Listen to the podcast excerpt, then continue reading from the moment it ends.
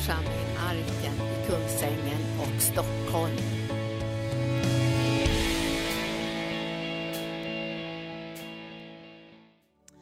Halleluja, och vi älskar lovsång, gör vi inte det? Alltså lovsång är så otroligt viktigt, därför lovsång är själva förutsättningen för att Gud ska kunna uppenbara sin härlighet i Jesus Kristus. För det står i Bibeln att, att Israels Gud tronar på Israels lovsånger. Så själva lovsången gör att du och jag får en tron i våra hjärtan. En härlighetstron, en uppenbarelseplats för Jesus. Men det står också att Gud har lagt i barn och spädbarns mun en lovsång och en makt för att nedslå fienden och den hemgirige. Och varje gång som vi prisar Herren, lyfter hans namn, sjunger i anden, så ser vi i andevärlden hur alla makter och krafter och sjukdomar, de böjer sig och erkänner att det är Jesus som är Herre. Och jag tror att redan ikväll så är det många saker i ditt liv som redan har böjt sig. Alltså krafter och makter och plåga, det har redan böjt sig. Tänk vilket underbart evangelium vi har. Vilken uppenbarelse vi har fått om Jesus. Att människor behöver inte gå sönder på insidan. De behöver inte ta livet av sig. De behöver inte förstöras av makter och krafter som är verksamma i den här världen. Därför att evangelium handlar om Jesus Kristus som har vunnit seger på Golgata kors. Som har kommit med läkedom och liv och ljus in i den här världen. Och ikväll så får vi ett underbart smakprov behov. Han bryter det levande brödet som har kommit från himlen för att du ska få smaka det här brödet och smaka att Herren är god för att sen kunna bryta det här brödet med människor efter den här konferensen. Och Betlehem betyder ju brödshuset. Och du behöver aldrig någonsin tänka att brödet kommer att ta slut. Ja, för ju mer du bryter det här brödet, ju mer du flödar i den heliga Andes olja, desto mera bröd blir det. Och desto mera olja blir det. För Gud önskar att du ska hälla i de tomma kärlen. Och det finns mängder med människor som plågas av tomhet och inre vånda, fruktan och bundenhet. Och de vet inte att det egentligen är Jesus de längtar efter. För Bibeln säger, hur ska de kunna tro om ingen predikar? Hur ska de kunna höra om ingen delar evangelium? Och du som är här ikväll kommer att bli ett levande vittnesbörd om hans godhet. För ikväll är miraklernas kväll. Halleluja. Ikväll är en kväll av helande. Ikväll är en kväll av gudomlig beröring in i ditt liv. Ikväll är en kväll när Gud sätter på sitt vatten, den heliga Andes vatten och säger kom och drick. Och jag tror att du är här ikväll och du nöjer dig inte att gå i något vatten som går till fotknölarna som är bara lite uppblandat och med mänsklig visdom och mänskliga tankar. Jag tror att du vill ut i det djupa vattnet. Och Gud han manar ikväll, kom ut i det djupa vattnet. Låt dig omslutas. Kom till en plats där du släpper taget om alla de här kryckorna, de här världens kryckor och bestämmer ikväll, jag tänker ta emot Jesus som min läkare. Jag tänker göra en överlåtelse ikväll av min kropp och själ till honom. Finns det en tryggare plats än hos Jesus? Finns det en, en, en, en, en omsorg på, på det här sättet i världen? Än det finns hos Jesus. Jag tror att bara få göra den här överlåtelsen ikväll och säga, min kropp och min själ tillhör dig. Så kommer du att komma in i en djup, djup vila. Och din kropp kommer att komma till vila. Och det här gör också att du kan lita på din kropps signaler. För jag tror att din kropp talar till dig. Och din själ talar till dig. Och det står i Bibeln att om du är fullkomlig i ditt tal, så kan du styra hela din kropp. Och att vara fullkomlig i sin tal betyder att du och jag använder Guds ord och talar om för våra kroppar var vi är på väg och vilken väg vi vill gå på. Vi vill följa Jesus. Och det fullkomliga talet finns ju bara i skriften. Och Det är därför jag tycker att det är så viktigt att du har med din bibel, att du stryker under i din bibel, att du blir kunnig i din bibel, att du blir väl befäst i din bibel och att du kan vad Guds ord säger. Tack Jesus. Så ikväll ska jag fortsätta min undervisning om Gud som är nära. Och jag upprepar igen och säger, det kommer vara avgörande för ditt och mitt liv hur vi tror. Är Gud långt borta eller är Gud nära? Alltså det är avgörande för oss att vi, vi har en förståelse, är han långt borta eller är han nära? Och du som kan gamla testamentet, du vet ju att Gud var nära men ändå långt borta. För människorna kunde inte komma nära Gud. Och det finns två krafter som är verksamma i den här världen. Det är syndens kraft och den heliga Andes heliga livgörande kraft. Men det är synden som skiljer människorna ifrån Gud. Och genom syndafallet är hela människosläktet skilt ifrån Gud. Men Gud hade en plan ända från begynnelsen, att människorna skulle komma nära honom. Men i gamla förbundet så visste man aldrig om, offer, om offerritualerna räckte. För man skulle ju offra gång på gång på gång för enstaka synder. Så hela templet var som en slaktplats. Där blodet ständigt rann som ett vittnesbörd om att synden är så allvarlig, att synden en gång kommer att skilja människan ifrån Gud. Men Gud hade en underbar plan. Han ville ha närhet. Han ville nå sitt folks hjärta. Och även om Gud kom till Israels folk och följde dem som molnstod och eldstod, så kunde de ändå inte komma nära Gud. Och när Gud uppenbarade sig på berget som en eld, så står det att människorna blev rädda. Därför de var ännu inte förvandlade i sina hjärtan. Därför lagen kan inte förvandla en människa. För om lagen skulle kunna förvandla en människa så hade aldrig Jesus kunnat dö. Alltså om de egna gärningarna skulle kunna göra att du och jag skulle kunna bli så duktiga så vi meriterade oss att komma inför Gud, så skulle inte våra gärningar räcka till. Dörren skulle vara stängd. Dörren måste öppnas från himlen in i den här världen. Och det är Jesus som har öppnat den dörren. Från himlen in i den här världen, så du och jag kan gå på en levande väg och möta Gud ansikte mot ansikte utan att dö. Detta är evangelium. Så att veta det här förändrar vårt liv, det förändrar våra känsloliv, vårt viljeliv, det förändrar vår inställning till livet att veta att det nya förbundet handlar om att vi lever nära Gud.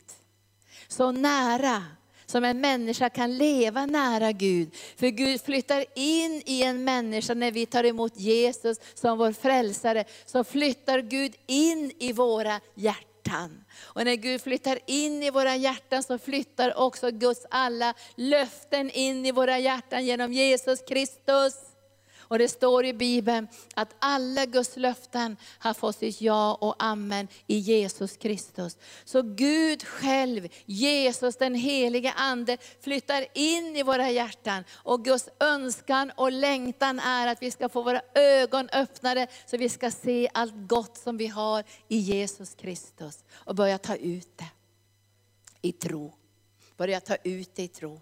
Inte som tiggare, utan som frimodiga Guds barn. Som Birgitta sa ikväll, tänk att Fadern sa, men du, jag, du ju alltid hos mig. Och han hade sett sig själv som någon som var hemma men ändå var som en distanserad tjänare. Som bara gick och längtade och önskade efter att Gud skulle gripa in och, och ge honom lite välsignelse. Och så säger fadern till den här sonen, men du är ju alltid hos mig och allt mitt är ditt. Du kan bara gå och hämta det i kylskåpet. När mina barn kommer hem så frågar inte de mig, får jag gå till kylskåpet? De bara öppnar det därför de är hemma. Och det här behöver du och jag lära oss. För de som lever nära Gud, i Gud, har tillgång till allt det som Jesus har vunnit för mänskligheten för 2000 år sedan. Och det förändrar vårt böneliv. Och det förändrar vårt sätt att vara. Det förändrar vår inställning. Allting förändras om du och jag får tag på detta. Gud är nära. Emanuel, Gud med oss. Och jag ska börja läsa det jag läste igår. Där glädjen spirar fram. Därför om Gud är långt borta, då får vi ropa högt. Ibland ber vi ju väldigt högt, vi höjer vår röst, men det betyder inte att vi tror Gud är långt borta. Vi är bara exalterade. Vi älskar att be högt. Och vi tycker om att binda upp krafter och makter. Men Bibeln säger här i Filipperbrevet 4 och 9, eller 4 och 4 ska vi läsa. Så står det, gläd er alltid. Gläd er alltid. Det finns en glädje som aldrig tar slut. När uppenbarelsen om denna sanning tränger in i vårt hjärta. Gud är nära. Det förändrar allt. Om du, kan, om du tänker att du var liten och så hade du en jättestor storebror. Som, som, som du kunde hänvisa till om de bråkade med dig. Då var du inte rädd. Då, då hjälpte det inte om storebror var långt borta. Men om han gick med dig, då blev du tuffare, eller hur? Då visste du att det här kommer jag att klara, jag har storebror med mig. Men du ska veta idag att du har alltid Jesus med dig. Därför kan du alltid vara glad i alla livets omständigheter. Och Paulus han är så medveten och övertygad om det här så han säger att ingenting kan skilja mig från Guds kärlek. Ingenting. Inte ens själva döden, inte makter i djupet, inte makter i höjden, inte ens ångest kan skilja mig från Guds kärlek. Utan om jag har ångest så kan jag komma till Gud och bli helad. Tänk vad många människor som tar livet av sig idag. Därför de vet inte om att Gud är nära den som har ett förkrossat hjärta. Att det inte är 20 mil till Gud. Att han inte är långt borta som han ropar till någon som är på Mars eller någonstans i en annan planet, någonstans i universum. Utan Gud är nära. Åkalla hans namn, han är nära. Det här förändrar vårt liv och förändrar vårt livs perspektiv. Att vi har en Gud som är nära. Det här förändrar vår syn på helande också. Därför då behöver vi inte frukta för någonting. Och Bibeln säger så här, för ett ont budskap fruktar jag inte. Mitt hjärta är fast, det förtröstar på Herren. För om han är nära så förändras ju allt, eller hur? Gläd er alltid i Herren. Åter säger jag till er, gläd er. Låt alla människor se hur vänliga ni är. Därför det händer någonting i vårt känsloliv när vi vet att Gud är nära. Vi satt en gång och åt och så var det en medarbetare som sa, han var så hungrig så sa han så här, nej men hjälp sa han, nu börjar jag bli som ett rovdjur sa han. jag äta och jag ville ha så mycket. Och jag tänkte så här, om man tror att Gud är långt borta, då blir man som ett rovdjur. Då måste man roffa åt sig. Då måste man tänka, nu måste jag ha det här, jag måste överleva, jag måste, ja, ja, ja, ja, ja. Men om Gud är nära så finns det mycket djupare förtröstan. Och jag tror mina vänner att fernissan kommer att försvinna även från dem som är väluppfostrade. När nöd kommer på, när kriser kommer, när fattigdomen kommer, när attacker kommer, då kommer förnissan att falla av. Därför människor har förtröstat på naturliga ting. Men om du vet att Jesus är nära, då vet du att du alltid kommer att stå under en öppen himmel. Och änglar kommer att gå upp och ner. Gud är nära. Och jag tror att vänlighet kommer utifrån en uppenbarelse om Guds närhet. För då behöver du ju inte bli som rovfiskar. Då behöver vi inte grabba tag i saker och känna, jag måste få mitt, jag måste få mitt. Och jag kommer ihåg, det var, jag bodde i Göteborg och hade fått jag hade två barn, ett var litet och var i barnvagnen. Och så var det strejk. Så att alla, alla bussar och strejkade och det var bara några spårvagnar som gick. Och då tänkte jag så här, varför Nissan försvann från människorna. Plötsligt så var det ingen som ville hjälpa mig upp med barnvagnen. Och jag kommer så väl ihåg att man nästan trampade ner varandra för att komma upp på den där spårvagnen. Och jag tänkte, om det blir nöd i den här världen, kommer vi att bli som rovfiskar då? Eller kommer vi att bli vänligare? Därför vi vet att han är nära. Det här avgör vårt förhållningssätt till livet. Och därför tror jag att mörkret gärna vill hålla oss kvar i gamla förbundet. Så vi ska be, vänd ditt ansikte till oss. Vi vet inte Gud om du har välbehag till oss. Vi vet inte Gud om du vill svara på våra böner. För vi är inte säkra på att vi har levt upp till alla kraven och uppfyllt alla lagarna. Men Jesus Kristus har uppfyllt allt i ditt ställe. Därför står du under en öppen himmel som aldrig någonsin kan stängas och änglar går upp och ner för att betjäna dig. Men det här vill inte mörkret att du ska se. Han vill att du ska tro att du är ensam i den här världen och Gud är väldigt långt borta. Och du får skrika så högt så du tappar din röst om du ska kunna få någon hjälp. Och så vet du aldrig om du har levt upp till alla kraven, om du har varit duktig nog. Men den helige Ande, halleluja, uppenbar bara detta att den helige Ande har kommit in i den här världen och han vilar över Jesus. Och när han vilar över Jesus så vilar han över dig. Tack Jesus. Vänlighet är en frukt av att han är närvarande. Och vi vet att Bibeln säger att kärleken kommer att kallna i de flestas hjärtan, därför laglösheten kommer att öka. Och du kan läsa nu, om du läser Aftonbladet och Expressen, så läser du knivdåd och bråk och övergrepp och våldtäkter och mörker och det ena och det andra. Och människor blir upprörda från sitt innersta, vad är det som håller på att hända i Sverige?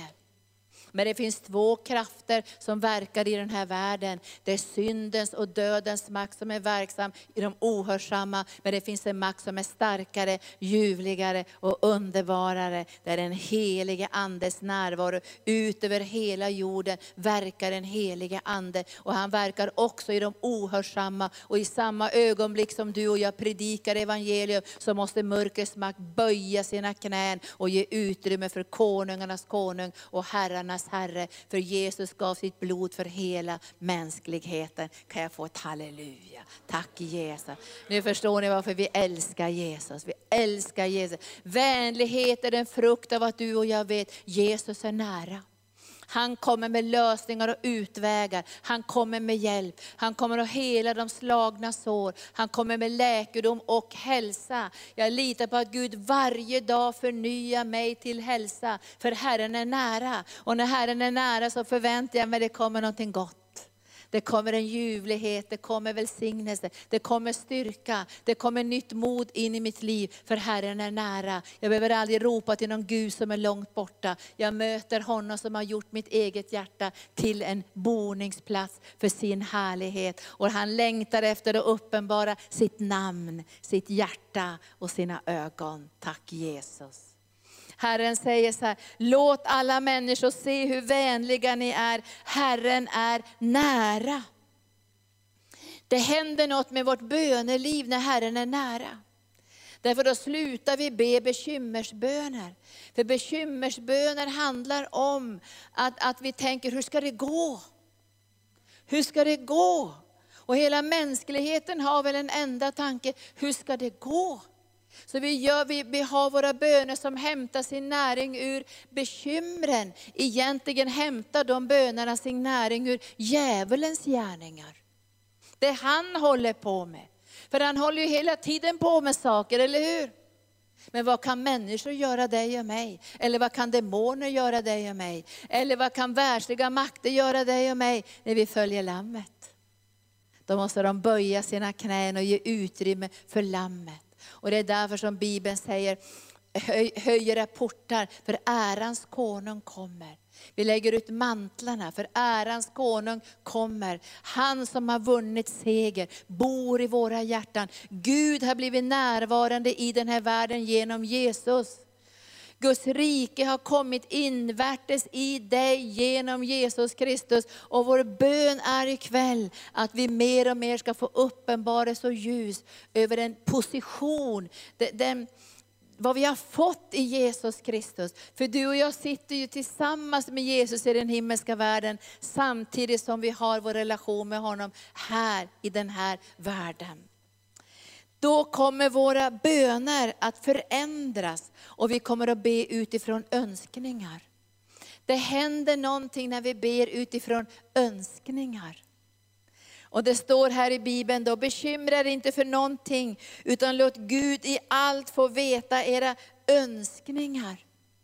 För när Jesus är nära så blir det önskningar mer än bekymmer. Därför när Jesus är nära så uppenbarar han i ditt hjärta sitt ord och sina löften. Och när hans ord och hans löften blir tydliga i ditt hjärta, då är det som att bekymren måste böja sig och det blir önskningar istället. Så när Herren börjar tala och säga, genom mina sår är du helad Linda. Genom mina sår har du fått läkedom. När han säger det många gånger, först när han sa det så hörde jag det nästan inte. För jag kunde nästan inte tro på det. Därför att det låg så långt borta från mitt liv, för jag hade lidit så länge i sjukdomar. Men så började jag höra orden i mitt hjärta, genom, dina, genom mina sår Linda är du helad. Och då började det växa fram en önskan i mitt hjärta att få del i gudomlig hälsa. Och jag sa, Herre, jag önskar att få del i den här hälsan. Jag önskar att den här hälsan som du har gett genom din död på Golgata kors ska komma mig till del. Och jag börjar proklamera ut den här hälsan tillhör mig, för Gud är nära. Han är inte långt borta. Han, han, har inte svikit mig, han har inte stigit undan ifrån mitt liv. Utan på grund av blodet och försoningen så får jag del i allt det goda som han har lovat. När han är nära förändras ditt böneliv. Och jag ser ju det på många som börjar få en uppenbarelseplats om Jesus, att deras böneliv förändras. Det börjar bli önskningar. För man kan bara önska av den som man är trygg med. Då börjar man önska sig saker.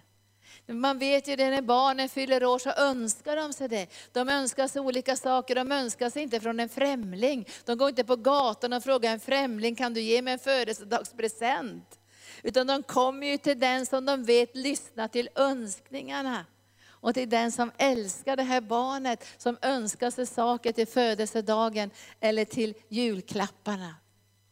Du och jag har en sån närhet till Gud att vi kan börja be önska mig böner. Jag önskar det här. Och när du och jag känner Guds löften så kan vi önska oss saker i linje med Guds ord. Och vi kommer alltid att få ett ja från himlen. Tack Jesus. Han säger att vi ska göra genom bön och åkallan och tacksägelse. Bön och åkallan och tacksägelse. Jag tror att Gud älskar bön och åkallan och tacksägelse. Inte bara bön, för bön kan liksom bli vad som helst. Jag träffade någon nu som hade gått på det här tolvstegsprogrammet med, som man kan få gå på om man har missbruk av olika slag. Och då frågade jag honom, vad var första steget? Och det första steget var att man skulle erkänna att man klarar inte av att, att bli fri från alkoholen och narkotikan om man inte erkände att man, var, att man var bunden. Och så skulle man överlåta sig och erkänna att man behövde böja sig under en högre makt. Under en högre makt. Men det är väldigt viktigt när du och jag ber, att vi vet vem ber vi till. Vi, behöver, vi kan, be kan man göra till vad som helst, buddhisterna ber. Ett av mina barnbarn var i Thailand och då fick de komma in i ett sånt där tempel där man hade buddha-statyer. Och man skulle böja sig och man skulle offra till de här statyerna. Och man skulle ge blommor och någon näsduk och pengar och offra i någon sorts meditationsbön. Men mitt barnbarn tog tag i korset och sa, jag gör inte det här för jag tänker följa Jesus. Bön kan vara vad som helst. Det kan vara en makt, det kan vara en kraft, det kan vara kosmos, det kan vara vad som helst. Men du och jag ber inte bara, vi åkallar namnet. Vi åkallar hans namn i nöden. Vi säger, det är dig vi vill ha Jesus. Det är dig vi ropar på. Det är du som är nära, det är dig som vi älskar. För själva åkallan betyder att vi är intresserade av honom som person. Vi är inte bara intresserade av att få ett mirakel. Vi är inte bara intresserade av att få se hans hand och hans gärningar. Vi vill leva nära själva läkaren och ha tillgång till, få säga heliga recept varje dag. Tack Jesus. Jag bad Herren om att få ett heligt recept i somras. Jag söker alltid Herren för min hälsa. Så jag frågade, jag kände i sommar att jag var tvungen att ta ett steg för min hälsa. Och jag sökte Herren. Jag åkallade hans namn och sa, Herre du är min läkare och jag behöver mera kraft. För jag ska resa till olika länder och jag ska be för människor i timmar. Och jag måste ha en helt annan kraft och fysik än jag kände att jag hade under den här sommarmånaderna när jag var ute på kallelser. Så jag åkallade Herrens namn och sa, du är min läkare. Och du har de bästa recepten. Om jag skulle gå till läkare i världen kanske de skulle säga, du får yoga på recept. Men jag gick till Herren min läkare, halleluja. Och jag stannade inför hans ansikte och sa, är det något Herre du tycker att jag ska göra för att förbättra min fysiska hälsa? Och jag hörde Herren säga så här, jag vill att du ska börja gå på bönevandringar.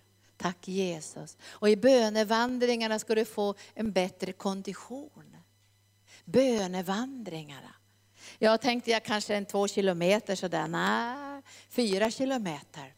Och helst varje dag, utom kanske en dag i veckan, ska jag gå på bönevandringarna. Och det här har jag gjort nu ett år. Jag har gått på mina bönevandringar. Så började jag gå på bönevandringar så märkte jag att han var närvarande på bönevandringen. Och så märkte jag vad jag hade för tankar. Vad gick det för tankar? När jag hade gått kanske en och en halv, två kilometer så kom jag i kontakt med mina egna tankar. Och jag tänkte de här tankarna vill jag inte ha. Jag vill inte ha, för jag märkte att det kom tankar som snurrade runt sådär med lite oro, lite bekymmer, lite tankar kring arken och framtid och vad vi skulle göra. Men jag tänkte det är någonting i de här tankarna som jag inte tycker om, för Herren är nära. Så jag bad att den helige Ande skulle rensa undan tankar och för att jag skulle få kontakt med Gud på insidan. Och så började jag märka att Guds tankar började komma. Och nu när jag går på bönevandring så är det bara långa predikovandringar. Jag tycker han är så vacker Jesus. Han säger, nu ska vi prata om olika saker. Så kommer ett ord och blir levande. Och så är det som att hela naturen börjar få liv. Och jag förstår det här när Jesus gick på bönevandring. Så, så gick han där i skogen och så säger Jesus här, säger Fadern till Jesus, se på fåglarna nu. De, de, har inga, de, de, de försörjer jag. Se nu på Se nu på liljorna på marken hur, hur jag försörjer dem. Jag vill inte Jesus att du ska ha någon oro i ditt liv. Du ska veta Jesus att jag är tillsammans med dig och jag kommer att möta alla dina behov. Du behöver inte böja dig för mörkrets makter, även om de erbjuder dig allt i den här världen. Även om du har tusen stenar så du kan göra dem till bröd, så lyssna inte på det. För jag kommer att sända änglarna och möta alla dina behov. Och det är det här som Jesus säger sen till oss allihopa, se på liljorna på marken, se Se på fåglarna. Och så kommer detta, varför bekymrar ni er som hedningarna? För saker som hedningarna tänker på varje dag. Vad ska vi äta, vad ska vi dricka, vad ska vi klä oss med, var ska vi bo? Det är hedningarnas tankar. Och vi måste få bort de tankarna från våra liv, så vi börjar tänka på Jesus, vad han har i sitt hjärta. Och så säger Jesus, du kan inte med enda du kan inte med ditt bekymmer lägga en enda al, en halv meter är det väl ungefär, till ditt liv. Och han säger, bekymra dig inte för någonting. Vet du inte att Fadern vet allt som du behöver. Sök först hans rike och hans rättfärdighet. Du vet Jesus predikar ingenting annat till oss som inte Gud predikade in i hans eget hjärta. Tack Jesus. Tack underbara Jesus. För Gud har en plan för dig. Han kanske inte säger det här till dig som han sa till mig, men jag sökte hans ansikte. Jag åkallade hans namn och jag kände att han blev så glad när jag åkallade hans namn och sa, det är dig jag litar på för min hälsa. Du får berätta för mig vad jag ska göra för, för min hälsa. Är det något annat som du vill att jag ska göra? Och Herren sa till mig så här, ja, jag vill att du går in i en Daniels fasta också under en tid gå in i en Daniels fasta. Och den Daniels fastan ska vara för församlingen Arken. Men det kommer också att påverka ditt liv på ett positivt sätt. Jag åkallar hans namn. Jag ber inte vad som helst till någon okänd Gud, eller ber bara här framme till någonting. Jag åkallar hans namn. Jag ber till honom. Då kan jag börja tacka. Jag läser bara här, åkallan, bön och tacksägelse. Hur kan jag börja tacka? Därför jag vet om att när jag har bett till honom så har jag det som jag har bett om innan jag har sett det, för Herren är nära. Det här att Herren är nära, det förändrar allt. Det finns tider i mitt liv då jag kände att Gud är långt borta, men någonstans vet jag, han är inte långt borta, för han kan inte vara långt borta när jag har tagit emot Jesus. Men ibland så tycker jag mitt känsloliv säger att han är långt borta. Säger, han det, säger det ditt också? Ibland säger mitt tankeliv att Gud är långt borta. Men jag vet om att den heliga Ande skulle alltid säga, Gud är nära. Gud är nära. Han är nära på grund av blodet. Och så kommer tacksägelsen. När du vet att Gud är nära, då kan du börja tacka för det som du har tagit emot innan du har sett det. Därför att Gud är nära och du vet i ditt hjärta att vad helst du ber om efter hans vilja, har du det innan du har sett det. Därför Gud är nära. Då kommer någonting som Bibeln talar för frid. Och jag vill inte att vi ska leva i trons press och stress. En gång så sa Gunnar till mig så här, vad håller du på med Linda? sa han. Men jag ber ju i tungor, sa jag. Ja men du ber ju i stresstungor. Du kan be orostungor och stresstungor, du kan bön som utgår ifrån oro och stress. Men jag tror att det handlar om det här skiftet i anden, att se Gud är nära. För då kommer någonting som Bibeln kallar för frid. Då ska Guds frid och tro handlar om frid.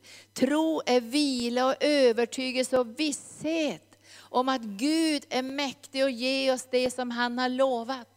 Det är det som är den här övernaturliga friden. Vi kan få frid i den här världen också på grund av bra omständigheter, men den kan försvinna när som helst. Men den frid som vi får i Jesus Kristus är bestående frid och den ska växa varje dag. För du och jag vet att han som har gett löftena, vad är han för någonting? Trofast. Trofast.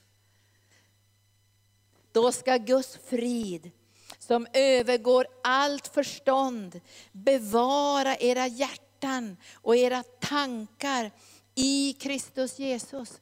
När Gud är nära så bevara sina tankar hos Jesus. Så den helige Ande kan tala in i ditt liv varje dag. Var inte rädd, jag är med dig. Jag har omsorg om dig. Du behöver inte gå sönder under pressen.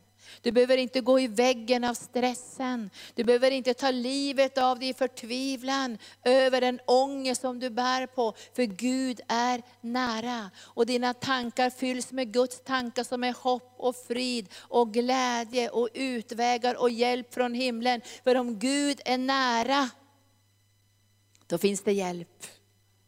Då finns det stöd. Då finns det omsorg. Då finns det liv. Då finns det hjälp och kraft att hämta ifrån Herren. Men om man är långt borta, då kan du och jag aldrig vara riktigt säker. Men Gud är nära. Och jag önskar att du efter de här dagarna ska bara gå och tänka så här, Gud är nära. Det förändrar allt. Då bara vänder du ditt hjärta inåt och tänker, han ska bevara mitt hjärta och han ska bevara mina tankar, för han är nära. Det förändrar allt. Och vi ska titta No, jag älskar ju skriften och jag har gått igenom de här bibelställena för jag bara älskar dem i Hebreerbrevet. Och jag måste läsa för dig ikväll om den här levande vägen. För ikväll ska vi gå på en levande väg. Och den vägen har öppnats genom Jesus Kristus. Ifrån kapitel 9 och versen 11. Men nu har Kristus kommit som överste präst för det goda som skulle komma. Jag, jag stryker gärna under det goda som skulle komma. Det tror jag pastor Gunnar predikar om i eftermiddag, översebräss för det goda. Så när du och jag tänker Jesus är närvarande så förväntar vi oss alltid någonting gott från himlen. Han är överstepräst för det goda som skulle komma. Genom det större och fullkomligare tabernakel som inte är gjort av människohand och alltså inte tillhör den här skapelsen. Så gick han in i det allra heligaste en gång för alla, inte med bockar och kalvars blod, utan med sitt eget blod och vann en evig återlösning. Om nu redan blodet av bockar och tjurar och askan från en kviga kan, stän, kan stänkas på de orena och helga till yttre renhet.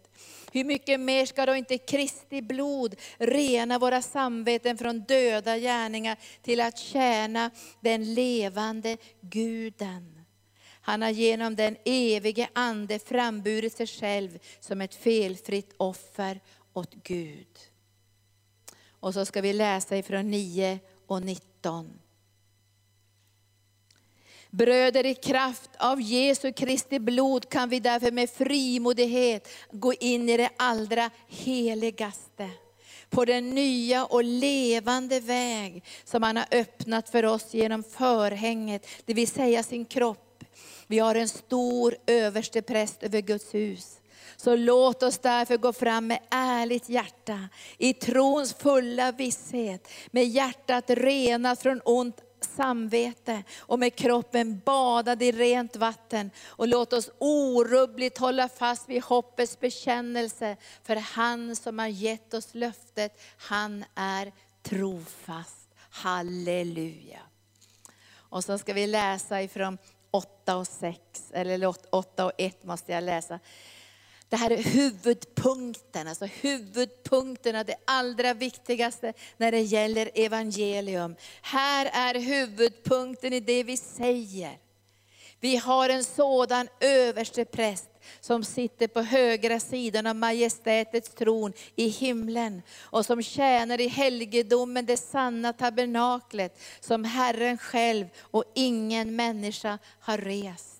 En överste präst som är insatt för att frambära gåvor och offer. Och därför måste också Kristus kunna bära fram någonting. Han har nu varit på jorden. Om han hade varit på jorden hade han inte ens varit präst eftersom det redan finns andra som bär fram de offergåvor som lagen föreskriver. De gör tjänst i en helgedom som är en kopia, en skuggbild av den himmelska helgedomen. Så som Moses fick höra när han själv skulle bygga tabernaklet. Se till att du gör allt efter den mönsterbild som du har fått se på berget. Men nu har Kristus ett högre prästämbete, liksom han också är medlare för ett bättre förbund som är grundat på bättre löften. För om det första förbundet hade varit utan brist skulle det inte behövas ett andra förbund. Tack Jesus. Men Gud förebrår dem när han säger, se dagar ska komma, säger Herren, då jag ska sluta ett nytt förbund med Israels hus och med Judahus. Ett helt nytt förbund där män och kvinnor i alla åldrar, barn och vuxna, tonåringar får gå rakt in genom det allra heligaste och stå inför Guds ansikte och leva i en nära, evig relation som börjar redan här tillsammans med Jesus för evigt liv. Gud älskar tro. Om det finns någonting som Gud älskar så är det tro. Därför det här nya förbundet är ett trosförbund. Det är ett överlåtelseförbund, det är ett förtröstansförbund, det är ett kärleksförbund. Tro är inte ett kravförbund, ett pressförbund, stressförbund, där vi ska lyfta oss i håret och försöka prestera tro. Utan, utan det här nya förbundet är ett överlåtelseförbund till honom som har vunnit fullkomlig seger på Golgata kors och vunnit den här segern för dig och mig. Så det nya förbundet är ett kärleksförbund, ett tacksägelseförbund, ett överlåtelseförbund, ett viloförbund. Han han har gjort det omöjliga för att du och jag ska få göra det möjliga. Överlåt oss och säga tack. Tro är inte svårt. Och när Bibeln talar om tro så har vi hört många gånger att det ska vara väldigt kämpigt och väldigt jobbigt och väldigt kampigt. Så jag möter människor som säger, jag vill inte leva där i trosförkunnelse och tro och längre för det är bara jobbigt. Men det är bara två saker som Gud förväntar sig av oss som lever i tro. Och det har vi läst igår ifrån Hebreerbrevet 11 och 6. Det är bara två saker han förväntar sig av oss. Och det ena är att vi ska tro att han finns till. Att han, att han existerar, det ligger på ett väldigt låg nivå. Men för oss handlar det om att vi tror att han älskar oss.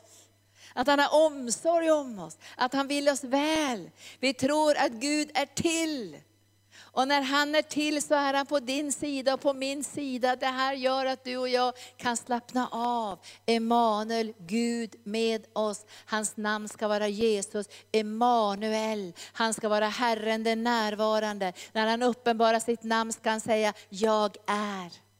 Jag är, har sänt mig, säger Moses till farao. Gud är till. Och ikväll när vi kommer fram i förbön så tänker vi, vi kommer fram till Gud. Och därför blir det en helig stund mellan dig och mig och Gud. Vi kommer fram till Gud. Och det här ger mig en helig fruktan, jag kommer fram till Gud. Och det här gör också att jag förväntar mig någonting från Gud. Därför nästa punkt säger i Hebreerbrevet 11 och 6, vi ska tro att han existerar, att han är till, men också att han belönar dem som söker honom. Och ikväll söker vi Jesus och han är inte svår att finna. Han längtar efter att få uppenbara sig. Vi ska inte tänka så här, åh kanske Gud är långt borta, han är svår att hitta, vi måste söka Gud. Vi behöver inte söka Gud. Jag tycker inte om det här att söka Gud. Jag vet ju att man menar inte att man ska söka Gud i skogen eller undra var han är. Utan jag tror man menar, jag vill komma närmare Gud och få bort alla de här hindren som är emot känslolivet och tankelivet. Så att jag inte kan få en uppenbarelseplats om att han är mig nära. Så när jag säger Herre jag söker dig så är det egentligen en kärleksförklaring, eller hur? Ja, det är dig jag söker Gud. Det är dig jag vill hitta. För Bibeln säger om du söker kommer du att finna. Och därför tycker jag det här att man talar om sökarna, så kan de inte söka Gud egentligen, för då skulle de ha funnit honom för länge sedan. För den som söker, han finner. Och den som knackar på ska det öppnas. Och den som åkallar hans namn säger han, jag är nära. Så när vi söker Herren ikväll så, så behöver vi inte skrika och undra, var är han någonstans? I första bönen säger han, jag är här. Jag är här. Mitt i mörkret, mitt i omständigheter är han här. Alltså tro, Gud, Gud älskar tro. När vi uttrycker det här, du är mitt hjärtas längtan. Hos dig har jag beskydd, du är mitt torn. Inför ditt ansikte är glädje till fyllest. Jag vet att du aldrig ska överge mig. När vi uttrycker tro utifrån Bibeln så behagar det Gud. Och vi kan behaga Gud genom att tala ut hans löften. Även om vi bara känner att det krockar i tankarna och det krockar i känslorna, så kan vi ändå få uttrycka vår tro utifrån Guds ordet och utifrån Guds löften. Det behagar Gud. Gud dras till tro. Gud dras till tro. Det är någonting det här med tro, från tro till tro, från härlighet till härlighet. När du och jag uttrycker vår tro, då behagar det Gud. Och han kommer nära, vi bara känner hans hjärta. Och han säger, det är precis rätt det där. Det, jag är det starka tornet, jag är ditt beskydd. Du behöver inte frukta för fienden, även om det lägrar sig runt omkring dig, så behöver du inte frukta. Och så vet du att det som Gud har lovat i sin kärlek, det finns också för dig genom hans löften. Och sen så säger han så här, tack Jesus, han ska löna dem som söker honom. Vi förväntar oss ikväll genombrott. Vi förväntar oss att sjukdomar och attacker ska böja sig. Jag tror jag berättade här, om det var helande söndagen eller vid något annat tillfälle nyligen, att jag snavade på den här eh, gallret som vi har för Aston, för han smiter ju hela tiden. Och jag fastnade med foten så här. Och jag bara flög rakt fram och jag fick en revbensfraktur. Och jag skulle ju bara någon dag senare åka upp till Uppsala och ha kampanj där. Och då tänkte jag så här, nu måste jag ju tänka så här, som jag predikar för er alla, han är nära. Jag åkallar hans namn. Jag berättar för honom att du har, han såg väl redan hur jag föll, jag flög, jag bara dånade om det tänkte jag så här, när läkarna säger fem veckor, då är det väldigt viktigt att tänka, vad säger Gud? Det är väldigt viktigt att höra, vad säger Gud? Och när jag närmade mig Gud och frågade, vad säger du Gud om det här? Ska jag behöva ha så här fruktansvärt ont i fem veckor? Bara för att det här är ungefär den naturliga vägen för naturligt helande, eller läkedomsprocess. Men det var som att Herren frågade så här, men Linda vad har du för tro då? Gud frågar, han frågar alltid, vad har du för tro för det här? Och jag, jag tänkte säga, egentligen skulle jag vilja tro för ett omedelbart mirakel. Men jag kände så här, ja, men jag, jag sätter min tro, jag la handen här och sa, tack Jesus för du är Herre min läkare. Jag bara åkallar ditt namn, jag vet om Herre att du är mäktig och hela mig. Jag bara tackar och prisar dig Herre. Och jag vet Herre att du älskar mig och du vill hela mig, ha omsorg om mig. Så bara kände jag när jag bara så här, ja men en och en halv, två veckor måste vara helt borta. Det var det också. Tack Jesus. Herren är trofast. Och därför vet jag att har du något i ditt liv ikväll så måste det böja sig. Varför måste det böja sig? För det har redan böjt sig för 2000 år sedan. Det är inte så att jag kommer att be jättebra ikväll och säga, nu böjer jag det här och nu bad Linda bra nu så böjer det igen. Nej men det är inte så du och jag ber, utan vi ber utifrån ett fullbordat faktum. Det har redan böjt sig för 2000 år sedan. Så vi utför bara en order. Om jag skulle, min pappa var ju militär och de utförde order hela tiden. Så min pappa sa gör det där och gör det där, gör det där. Så fick de göra det därför att det var en order. Därför att det var en högre befäl som hade sagt någonting. Och när det högsta befälet i evighetens konung vunnit seger över sjukdomar och makter. Så när du och jag utför order, förebedjare, det känner ni ikväll. Då har ni fått två nycklar, halleluja. Åh, ni har inte tappat nycklarna va? Ni har inte tappat nycklarna. Jag har två nycklar, bindernyckeln och lösenyckeln. Och vem har gett orden? Det är inte någon överfurir eller rustmästare eller general i det naturliga. Det är konungarnas konung och herrarnas herre som har gett orden. Lägg alla fiender under mina fötter som en fotapall. Halleluja. Jesus ska få lägga upp sina fötter ikväll. För han delar ut order ikväll och så säger han, använd bindernyckeln.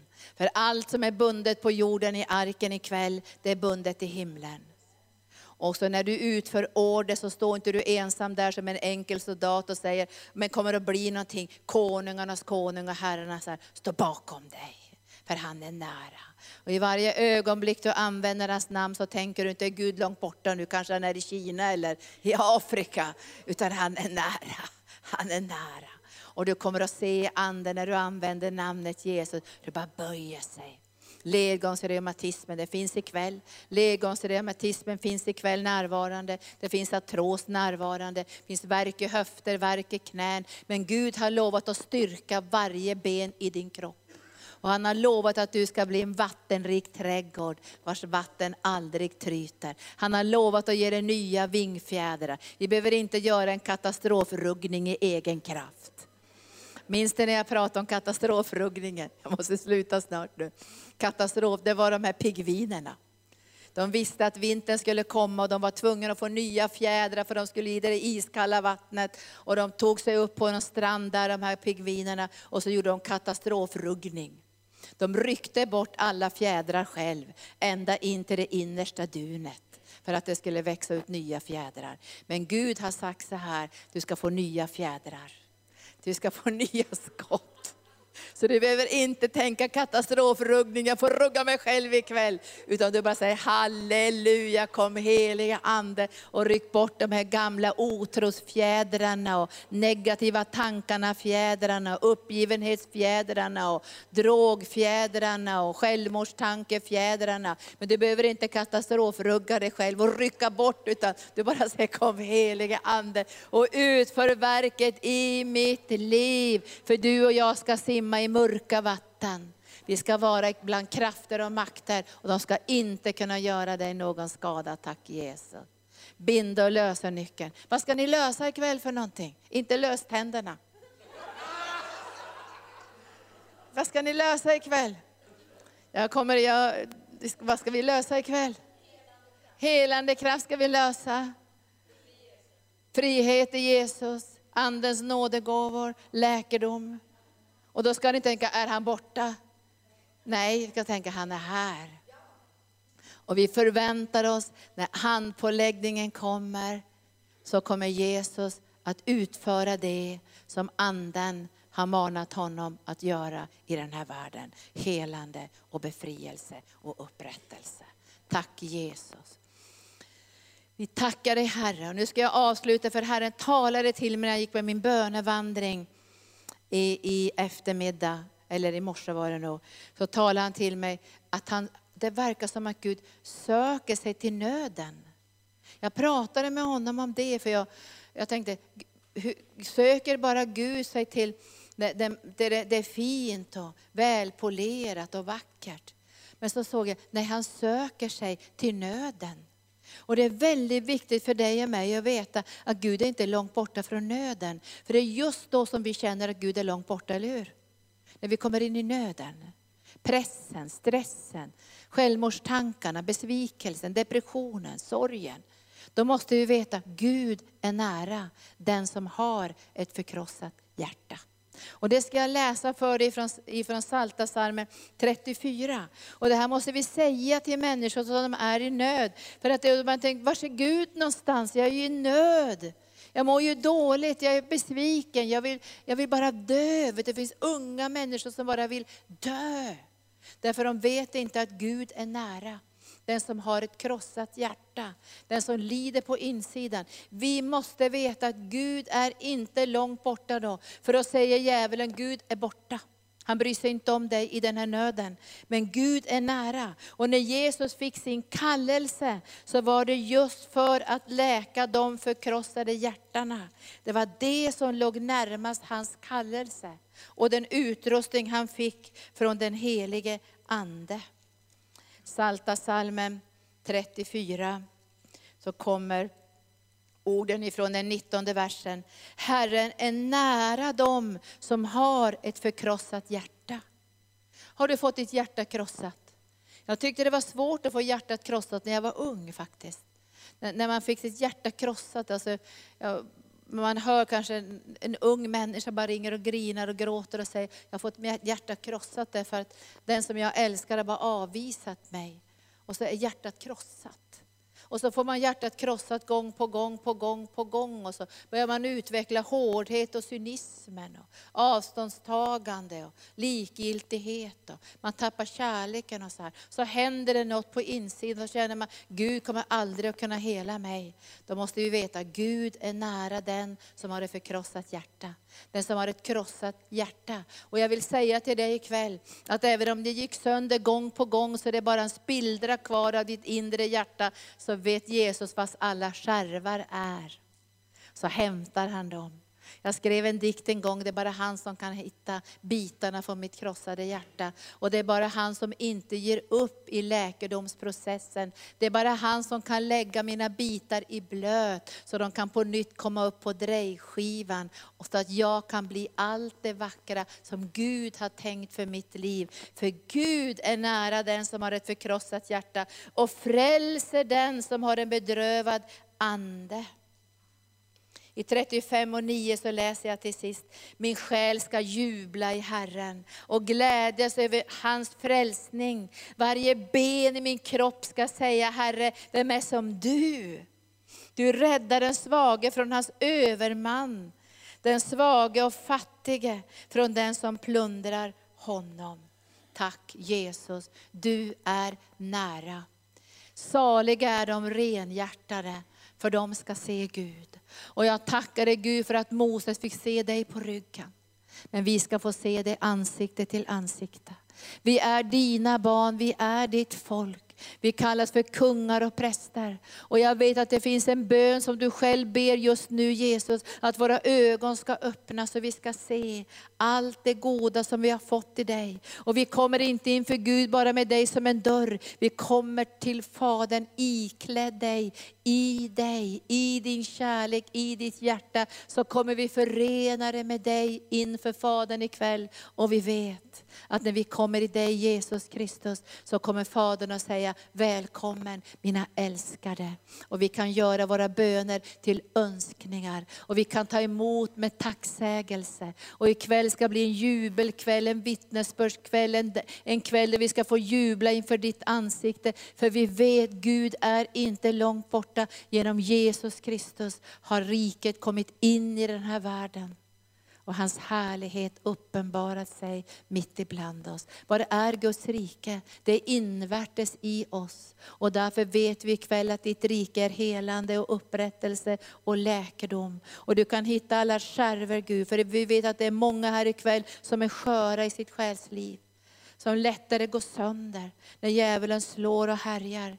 Men jag vet också Herre, att du är mäktig att beskydda dem som har känsliga känsloliv och känsliga själsliv. Och du är mäktig att hela. Och du är här ikväll med din helande kraft. Välkommen helige Ande. Så vi ska be lovsångarna komma upp och ni som är förebedjare ikväll, ni ska bara få gå ut i gångarna och sträcka ut era händer. Och sen ska ni börja lösa den här mjuka kärlekssmörjelsen och uppenbarelsesmörjelsen. Han är inte långt borta. Om han är långt borta måste vi försöka hämta hem honom. Eller kanske han är i dödsriket, får vi hämta upp honom. Men det står ordet är dig nära, i din mun och i ditt hjärta. Halleluja. Tack Jesus. Så ska vi bara lösa smörjelsen och uppenbarelsekunskapen kunskapen om att han är nära. Det förändrar allt när du vet att han är nära. Och när du söker honom på det sättet att du vet att han är nära. Du söker honom på ett annat sätt än de människor som undrar var han är någonstans. Jag tycker inte om den här sången, någonstans bland skuggorna står Jesus. Han står inte bland skuggorna. Han står i ljuset och vill uppenbara sig. Kom hem, här är jag, jag älskar dig. Och det är det som man ska göra ikväll. Om du är här som ännu inte känner Jesus som din frälsare, så ska du få säga direkt ikväll så här, jag tar emot dig. Ser du mig nu via TV eller kanske vid din dator och du ännu inte tagit det här steget, att du har tagit emot Jesus, gör det. För mörkret håller på att tätna i det här landet, ut över världen. Och unga människor är så förtvivlade att de tar sina liv i ung ålder på grund av meningslösheten, brist på svar på frågorna om livets mening. Men jag ska säga till dig ikväll, Gud är nära genom Jesus Kristus. Och när du har tagit emot honom i ditt hjärta kommer du få svar på alla frågor. Han kommer att besvara frågorna om varför du lever i den här världen, vad det är för kallelse på ditt liv. Han kommer att tala om hur han har tänkt din framtid. Han kommer att lägga sina drömmar i ditt hjärta och du kommer att få en sån glädje över livet. Att du kommer att säga till Gud, jag vill ha ett långt liv i den här världen. Jag vill leva till minst 120 år och sen ska jag få leva med dig i evigheternas evigheter. Livet med Gud är underbart och härligt. Så ta emot Jesus som din frälsare. Tack Jesus. Är du här ikväll som ännu inte är troende, vill jag att du räcker upp din hand. Förebedjare, ni kan gå och ställa er i gångarna redan nu. Så är du här ikväll som ännu inte tagit emot Jesus, så räcker du bara upp din hand så kommer en förebedjare, lägger handen på ditt huvud eller axel och så tar du själv steget och säger Jesus, jag vill ta emot dig som frälsare. Tack Jesus. Åh, visst är vi tacksamma. Tack Jesus. Tänk att han är nära. Så nära. Vi tycker att Johannes var nära Jesus som lutade sig mot hans bröst. Men vi är ännu närmare Jesus, för han bor i våra hjärtan. Så kom nu heliga Ande och verka genom förebedjarna. Den här kärleksmörjelsen, vänligheten, omsorgen, godheten ska flöda ut genom ditt hjärta den här kvällen Jesus. Bara rör vid syskonen. Jag ser att det finns artros och värk i leder och höftar. Jag ser att det är flera här som har arytmier och problem med hjärtat. Jag ser också andra här som verkar plågas av stress och oro. Hur ska det gå med pensionen och pengarna och huset? Men Herren säger ikväll till dig, se på fåglarna, hur tryggt de flyger. Se på liljorna på marken och vitsippor och blåsippor som blomstrar nu i skogen. Se hur de kan blomstra där genom min kärlek. Och du behöver inte oroa dig för jag ska leda dig och hjälpa dig där du går bedjande fram. Och du ska få vägledning steg för steg in i ditt liv i nuet, men också inför din framtid. För jag har gått före, säger Herren, och trampat vägen. Och du ska gå i förutberedda gärningar som jag har förberett för dig. Och jag tar dig nära mitt hjärta för att jag vill berätta för dig vad min väg går för dig. Så kom nu ikväll till Guds hjärta. Kom nu ikväll och möt hans kärlek. Och du känner hur vänlig han är och fylld med nåd. För han är så nära, han har sån omsorg om dig. Och jag ser också någon som har så mycket oro så du vaknar på natten och undrar, hur ska det gå?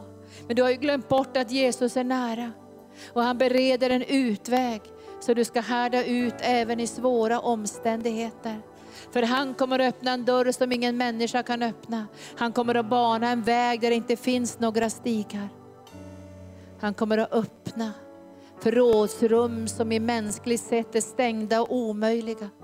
Därför han är konungarnas konung och herrarnas herre och han älskar dig. Kom heliga Ande. Bara rör vid våra hjärtan ikväll. Bara tvätta bort all, och jag ser också, jag ser också magproblem och magkatarr. Jag ser problem med ändtarmen, kramp i ändtarmen. Och jag ser en kvinna här som plågas av inkontinens. Och jag talar ikväll till musklerna i din, i din, i din mage och ditt, din, jag ser också här i, bu, bu, alltså i, i botten, bäckenbotten, hur den heliga Ande bara verkar nu och stärker dina muskler. Kom heliga Ande. Jag ser också någon som oroar sig för sitt barn och det är flera här som oroar sig. Men Herren säger till dig, att din oro hjälper ingenting. Du ska be tillsammans med mig, säger Herrens ande, de önskningar som du har för ditt barn. Och jag ska sända ut mina änglar från öster och väster och norr och söder. Herrens ande kommer att lägga i ditt hjärta de bilder som du har för dina barn som du ska lyfta upp och levande göra inför hans ansikte. Och han tvättar bort ikväll så mycket oro, så mycket bekymmer. För Herren säger att jag redan talat till er och sagt att det ska bli mörkare och mörkare i den här världen. För mörker övertäcker jorden, men jag har också sagt mina älskade att ljus ska gå upp över er. Och ni ska vandra i mitt ljus och ni ska göra den här Tåredalen fylld med källor. Och därför får ni inte låta mörkret tala samma saker in i era tankar som man talar in i människor som inte känner mig. Jag vill att ni ska höra mina tankar. Och ikväll mina älskade, så har mina tankar blivit tydliga och min vilja har blivit tydlig, säger Herren. Och jag vill tala in i ditt liv att min vilja är att du ska få del i min hälsa, min frihet och all den nåden som är given. Att du kan bada i den nåden, för i den nåden, säger Herren, finns också förlåtelse och rening från all synd.